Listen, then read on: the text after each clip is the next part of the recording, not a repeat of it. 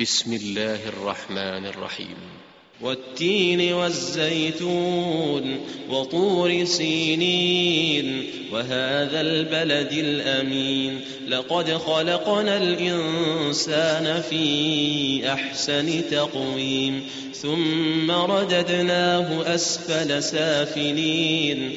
إلا الذين آمنوا وعملوا الصالحات فلهم اجر غير ممنون فما يكذبك بعد بالدين اليس الله باحكم الحاكمين